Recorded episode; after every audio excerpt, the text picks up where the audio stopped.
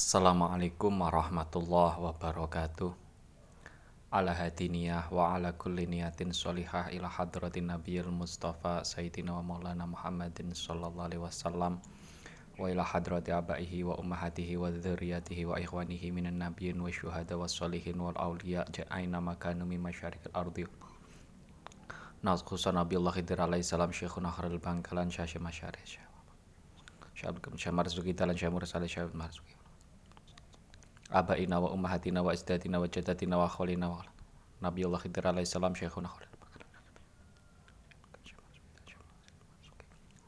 Allah ya iminhumul ambat min umat Sayyidina Muhammadin sallallahu alaihi wasallam.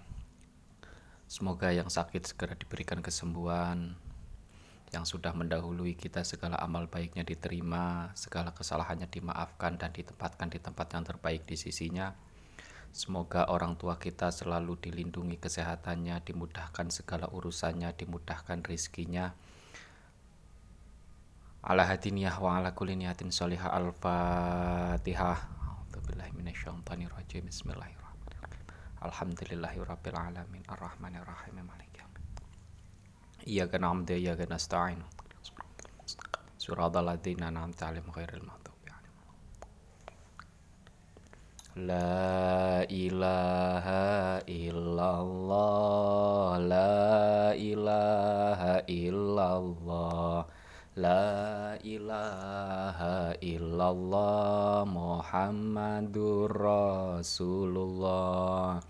Ya Allah ya Qadim Judlana bil ilim Tawassalna bil mughnim bi syaikh Abdul Karim Ya Allah ya waqi judlana birrizqi Tawassalna bil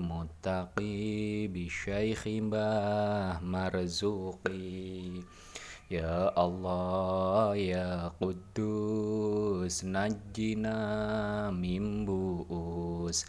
Tawassalna bi muhyin nufus bi syaikhin bah mahrus Ya Allah ya Anis sahilna fit tadris Tawassalna bil muddaris bi syaikhin bah Ahmad Idris.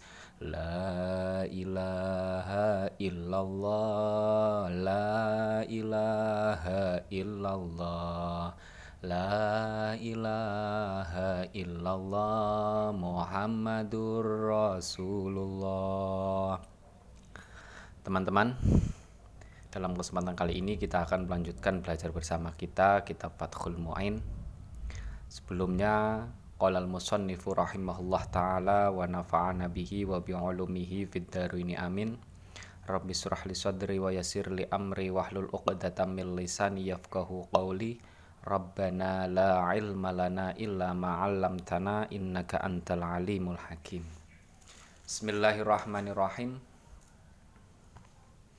famad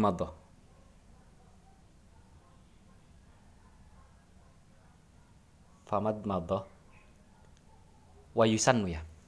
Bismillahirrahmanirrahim. Wa yusannu jam'uhuma thala si hurufin wa yusannu dan disunahkan.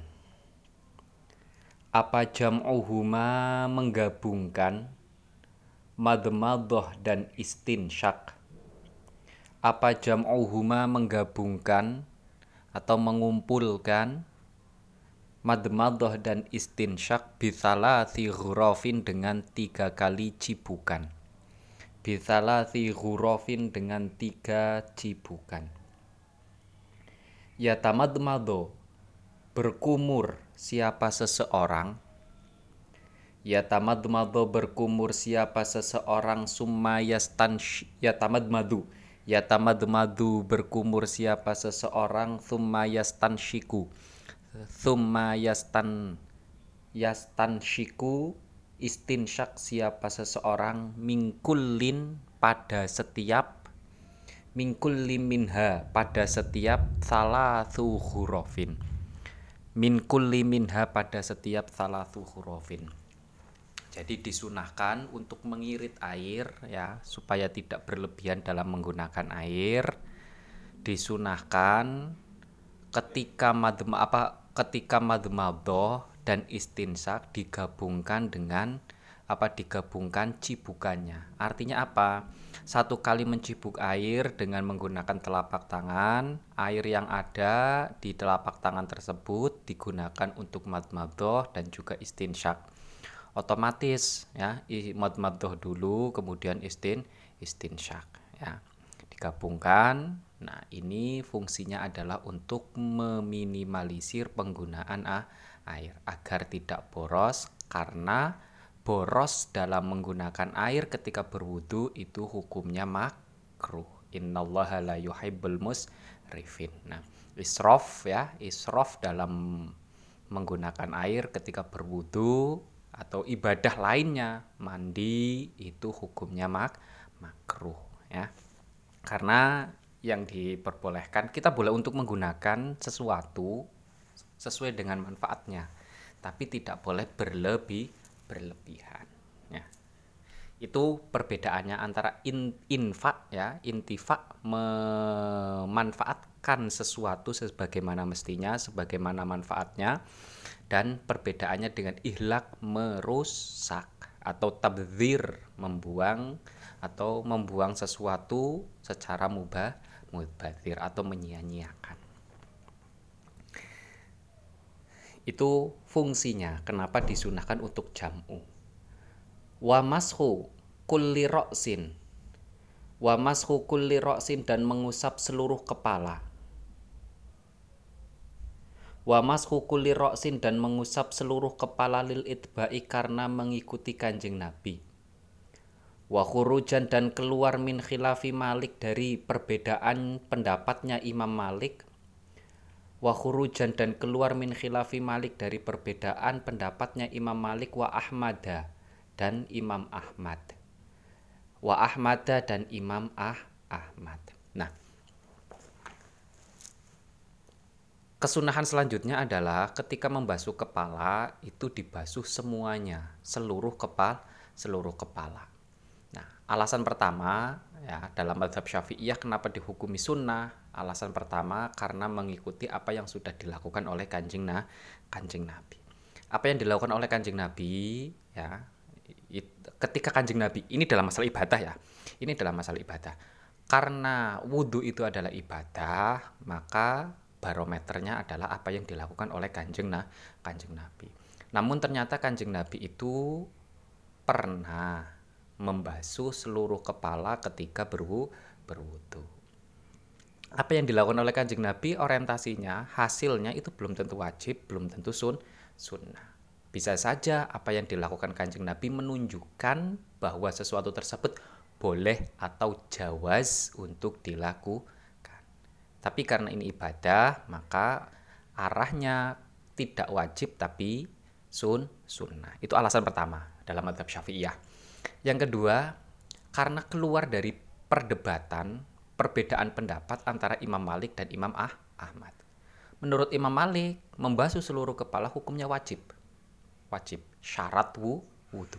Ya, rukunnya wudhu itu adalah membasuh seluruh kepala. Sedangkan menurut Imam Ahmad, enggak. Enggak wajib. Bukan syarat, bukan ruk, bukan rukun. Imam Asy-Syafi'i pendapat Syafi'iyah itu mencoba untuk men, apa mencoba untuk berada di tengah-tengahnya.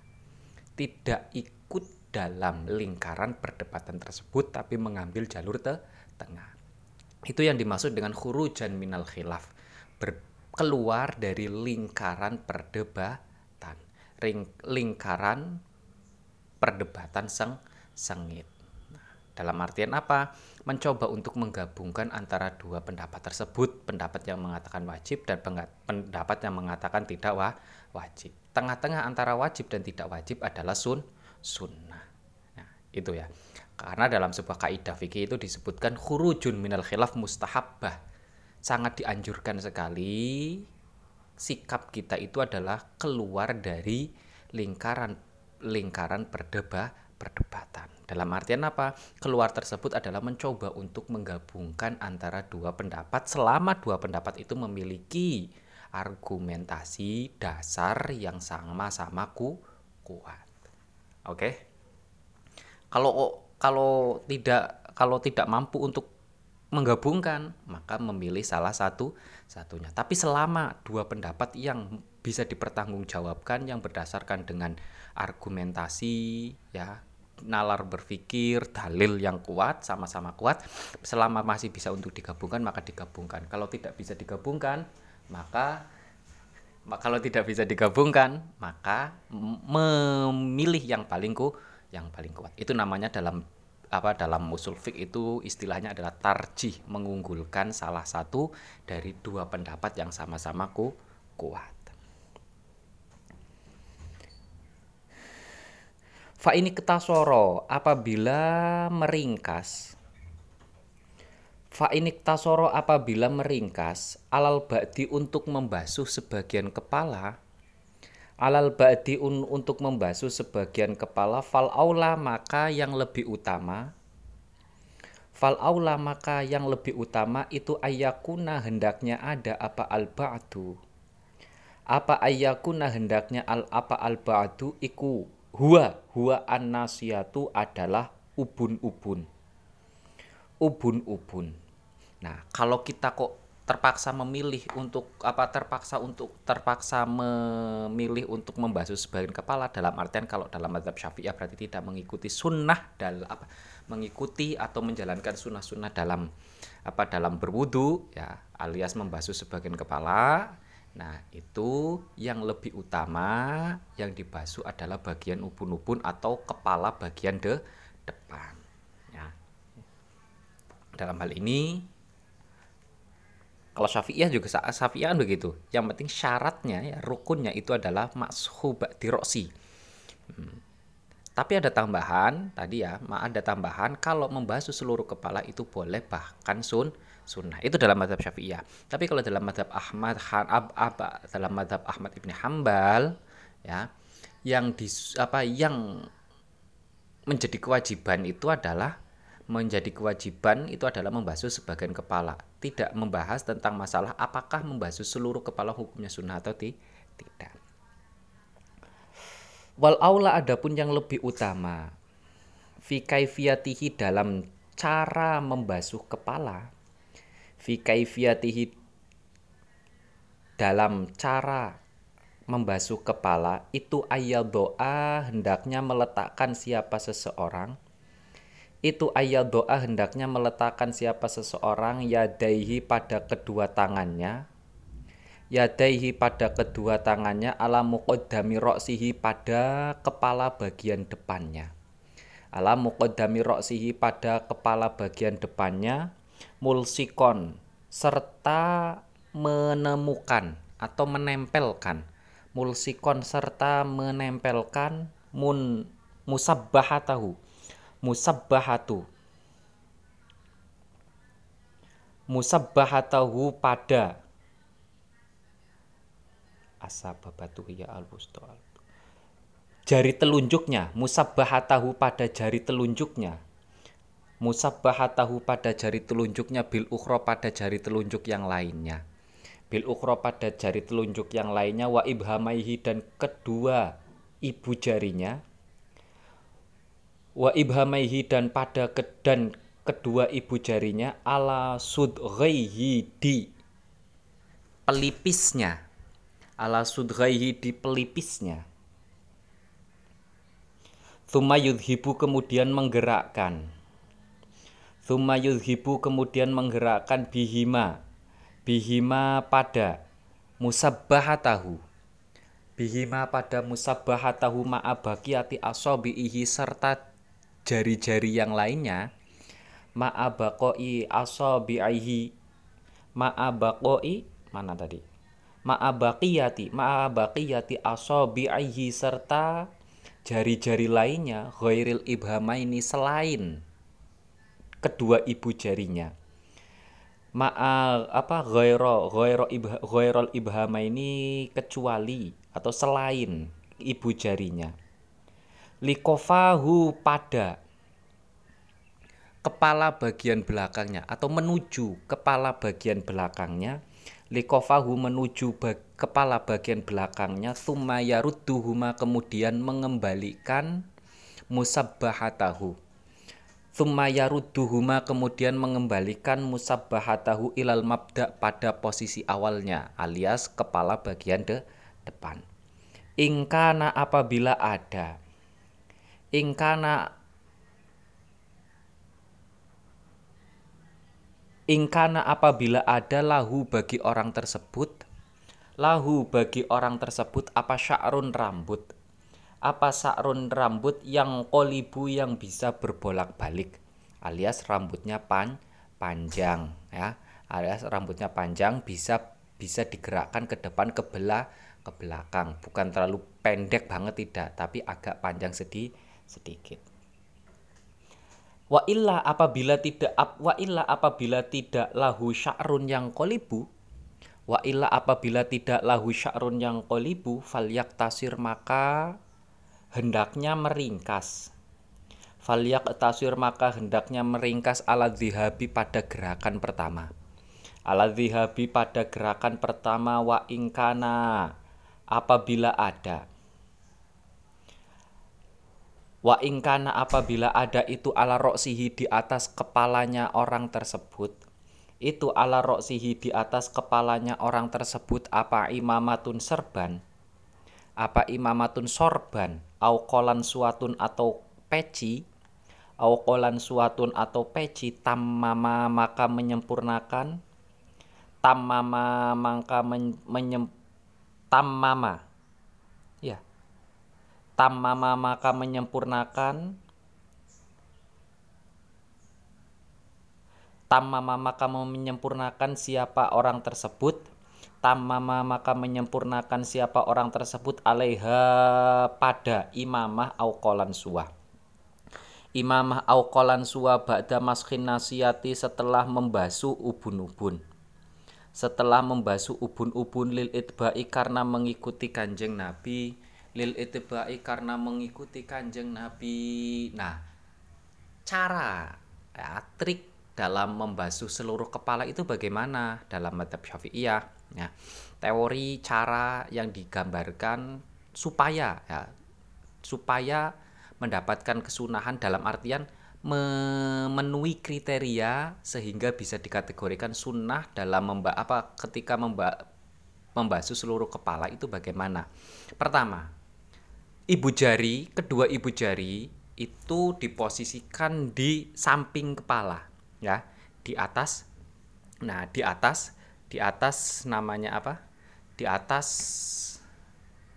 di atas telinga, di pelipis apa di samping itulah, di samping mata itu. Itu posisi ibu jarinya. Kemudian kemudian jari telunjuk yang satu dengan jari telunjuk yang lain itu di ujungnya itu saling ditemukan. Ditaruh di ubun u ubun. Nah, begitu juga begitu juga jari-jari lainnya itu ditaruh di, di bawahnya jari telun telunjuk. Nah, saling saling men, apa saling menempel satu sama lain. Kemudian digeser ke belakang, ditarik ke belakang, ya kan? Ditarik ke belakang sampai kepala bagian bawah kemudian ditarik lagi ke de ke depan itu sudah dikategorikan membasuh seluruh kepal kepala dan itu mendapatkan kesunahan dalam mem, apa dalam berwu berwudu yaitu membasuh seluruh kepala. Nah, catatan ini apabila orang tersebut itu memiliki rambut yang agak panjang dalam artian bisa tarik ke belakang, bisa tarik ke depan. Kalau gambaran sederhananya itu adalah bisa disisiri ya. Ketika kita pakai sisir itu bisa diatur.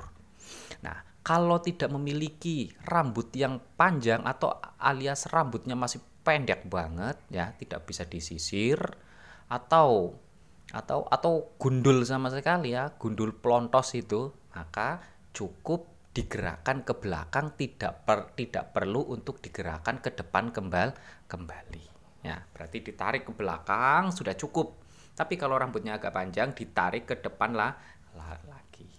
Itu ya. Nah, terus bagaimana kalau orang tersebut itu ketika berwudu itu tetap masih memakai serban? Ya, tetap memakai serban. Ya. Nah, kalau tetap, kalau tetap memakai serban atau tetap memakai peci, maka yang dibasuh adalah sebagian. Namun setelah selesai membasuh kepala, apa setelah setelah selesai berwudu itu disempurnakan basuhannya. Dalam artian tangannya agak dibasahkan ya. Tangannya dibasahkan kemudian tangannya diusapkan ke seluruh serban serbannya ini adalah untuk apa ini dasarnya adalah karena mengikuti apa yang sudah dilakukan oleh kanjeng Nabi. Ini nanti kita bisa menemukan hadis ini di antaranya dalam buluhul marom nanti ya. Insya Allah semoga kita nyampe dalam bab itu wa hukul lil udhuni dan mengusap seluruh wa, wa hukul lil udhunaini. Wa mashukul lil udhunaini dan mengusap seluruh dua telinga. Wa mashukul lil udhunaini dan memasuh membasuh seluruh kedua telinga zohiron baik bagian luar. Bagian luar itu ya berarti bagian yang yang di belakang di belakang telinga itu ya kan au batinan atau bagian dalam atau bagian dalamnya teling telinga ya. Sampai sampai tidak sampai masuk ke lubangnya ya. Yang penting yang se semuatnya tang tangan di lubang teling telinga.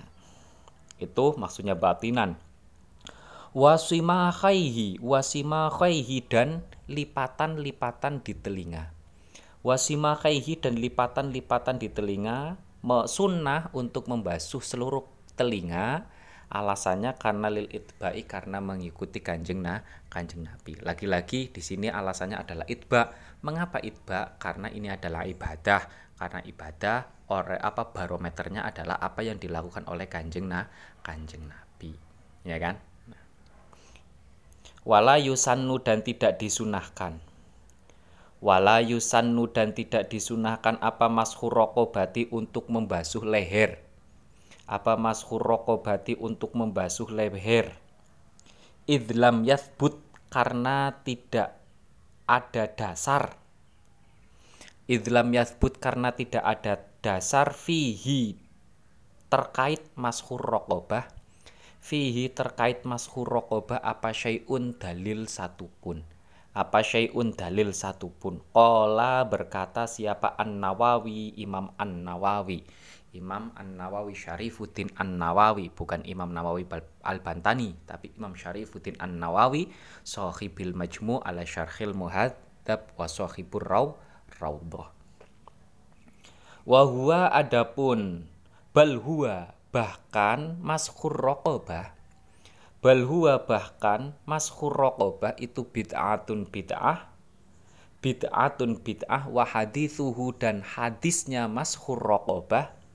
Wa hadisuhu dan hadisnya mashur raqabah itu maudhu'un maudhu' maudhu'un maudhu' nah, ketika dalam ulumul hadis kemarin kita sudah selesai terakhir kita membahas tentang hadis maudhu' hadis yang palsu bukan hadis tapi dikategorikan sebagai hadis. Nah kalau kita menyebarkan hadis tersebut dengan tidak memberi keterangan bahwa hadis itu adalah hadis maudhu, maka kita termasuk orang yang ikut menyebarkan kebohongan dengan mengatasnamakan kanjeng nah kanjeng Nabi. Hadisnya jelas man kadzdzaba alayya muta'ammidan falyatabawa maq'adahu minan minan nar alias orang yang sengaja berbohong dengan mengatasnamakan kanjeng Nabi, dosanya itu termasuk dosa bes besar ya ini baik disebutkan oleh Ibnu Hajar al Ibnu Hajar ya al Haytami dalam Az-Zawajirnya di antaranya. Nah, tadi kesunahan selanjutnya dalam berwudu itu adalah membasuh dua membasuh namanya apa kedua telinga. Nah, setelah membasuh kedua telinga ada sebagian yang me, apa yang menambahkan untuk membasuh ini namanya leher. Ada. Nah, menurut kalau kalau kalau berdasarkan dengan kitab Fathul Muin ya menurut Syekh Zainuddin Al Malaibari dalam kitab Fathul Muin membasuh leher itu bukan kesunahan. Ini sebagaimana diungkapkan oleh Imam An Nawawi ya. Imam An Nawawi ulama ulama Syafi'iyah ya. Ulama Syafi'iyah pada periode-periode A awal. Nah, ini termasuk mujtahid madhab ya. Imam An Nawawi itu termasuk mujtahid madhab. Nah, rival debatnya Imam An Nawawi itu adalah Imam Ar Rafi'i ya. Imam Ar Rafi'i di antaranya menulis kitab Al Aziz Nah, Imam An-Nawawi menulis kitab Majmu yang fenomenal dan kitab Ar-Raudhah juga fenome fenomenal. Periode selanjutnya itu dilanjutkan oleh periodenya Imam Imam Ibnu Hajar dengan Imam Ar-Rom Ar-Romli. Ya. Nah, Imam An-Nawawi ini di antara muridnya Imam Ibnu Ma, Imam Ibnu Malik Imam Ibnu Malik sebelumnya ketika belum bertemu dengan Imam An-Nawawi madhabnya Malikiyah ketika Imam An-Nawawi yang madhabnya Syafi'iyah berguru ilmu bahasa kepada Imam Ibnu Malik Imam Ibnu Malik menyaksikan kealiman dan ketajaman analisis yang dimiliki oleh Imam An-Nawawi.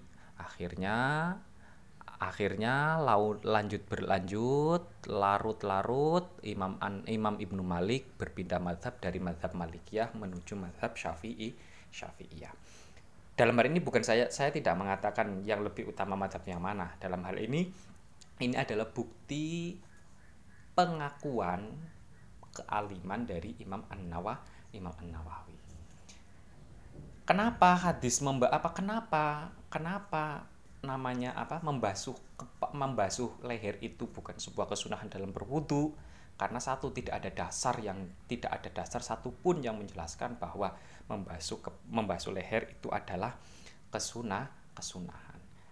Kalaupun ada hadis yang berkembang itu adalah hadis maudhu atau hadis pal palsu.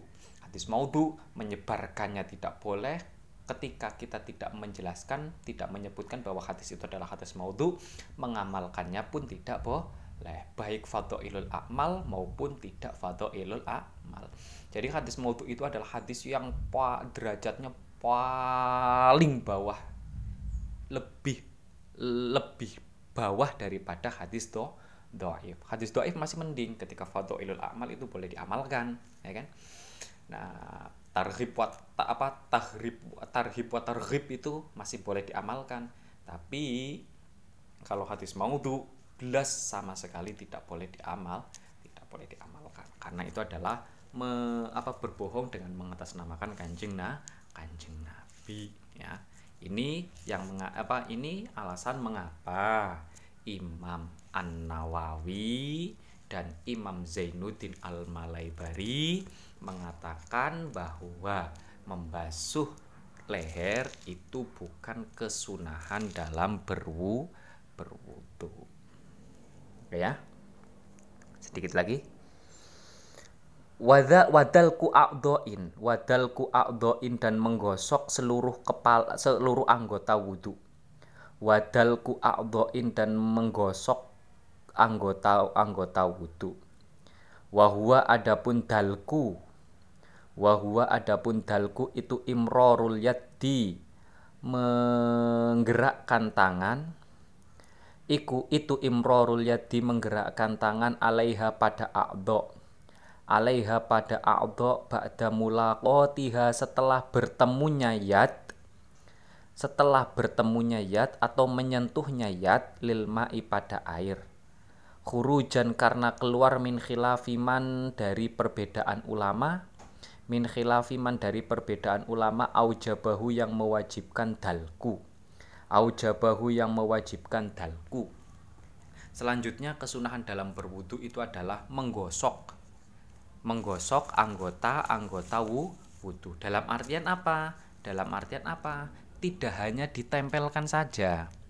Tangan ya telapak tangan yang sudah basah tidak hanya ditempelkan di di tangan atau di kepa di kepala atau di ka di kaki. Tapi digosok ada tekanan sedikit. Ya ada tekanan sedih sedikit. Nah alasannya kenapa? Kenapa ini termasuk sunnah? Karena ada sebagian ulama yang mengatakan bahwa dalku itu adalah wa, wajib. Kalau wajib berarti harus digos digosok. Kalau tidak digosok berarti wudhunya tidak sah. Itu menurut sebagian ulama. Tapi dalam madhab syafi'iyah dalam wudhu yang ditent apa yang di apa yang dirumuskan oleh madhab syafi'iyah dalku itu tidak termasuk wajib tapi sun sunnah. Alias kalian kalau dalku yang mendapatkan pahala kalau tidak dalku ya tetap sah meskipun tidak apa tetap tetap sah wudhu wudhunya itu ya. Kalau nggak salah yang mewajibkan dalku itu adalah kalau nggak Imam Ahmad. Kayaknya kalau nggak salah seingat saya itu adalah yang mewajibkan dalku adalah pendapatnya Imam Ahmad ibnu Ham hambal. Itu ya. Mungkin cukup sekian dulu, sudah terlalu panjang. Semoga apa yang kita pelajari bisa bermanfaat. Alhamdulillahirabbil alamin. Allahumma inna nastaudiuka ma 'allamtana fardud ilaina inda hajatina ilaihi ya rabbal alamin. Apabila ada materi-materi yang kurang jelas ya, saya terlalu cepat menjelaskannya atau ada makna yang tidak terlalu jelas, saya tidak apa tidak jelas suara saya atau saya terlalu cepat, silahkan tanyakan saja nggak masalah ya. Lewat lewat WA ya. Silahkan tanyakan saja nggak masalah. Nanti insya Allah saya jawab semampu saya sebisa saya. Kita sama-sama belajar. Semoga apa yang kita pelajari bisa bermanfaat. Kurang lebihnya mohon maaf. Alhamdulillahirobbilalamin wassalamualaikum warahmatullahi wabarakatuh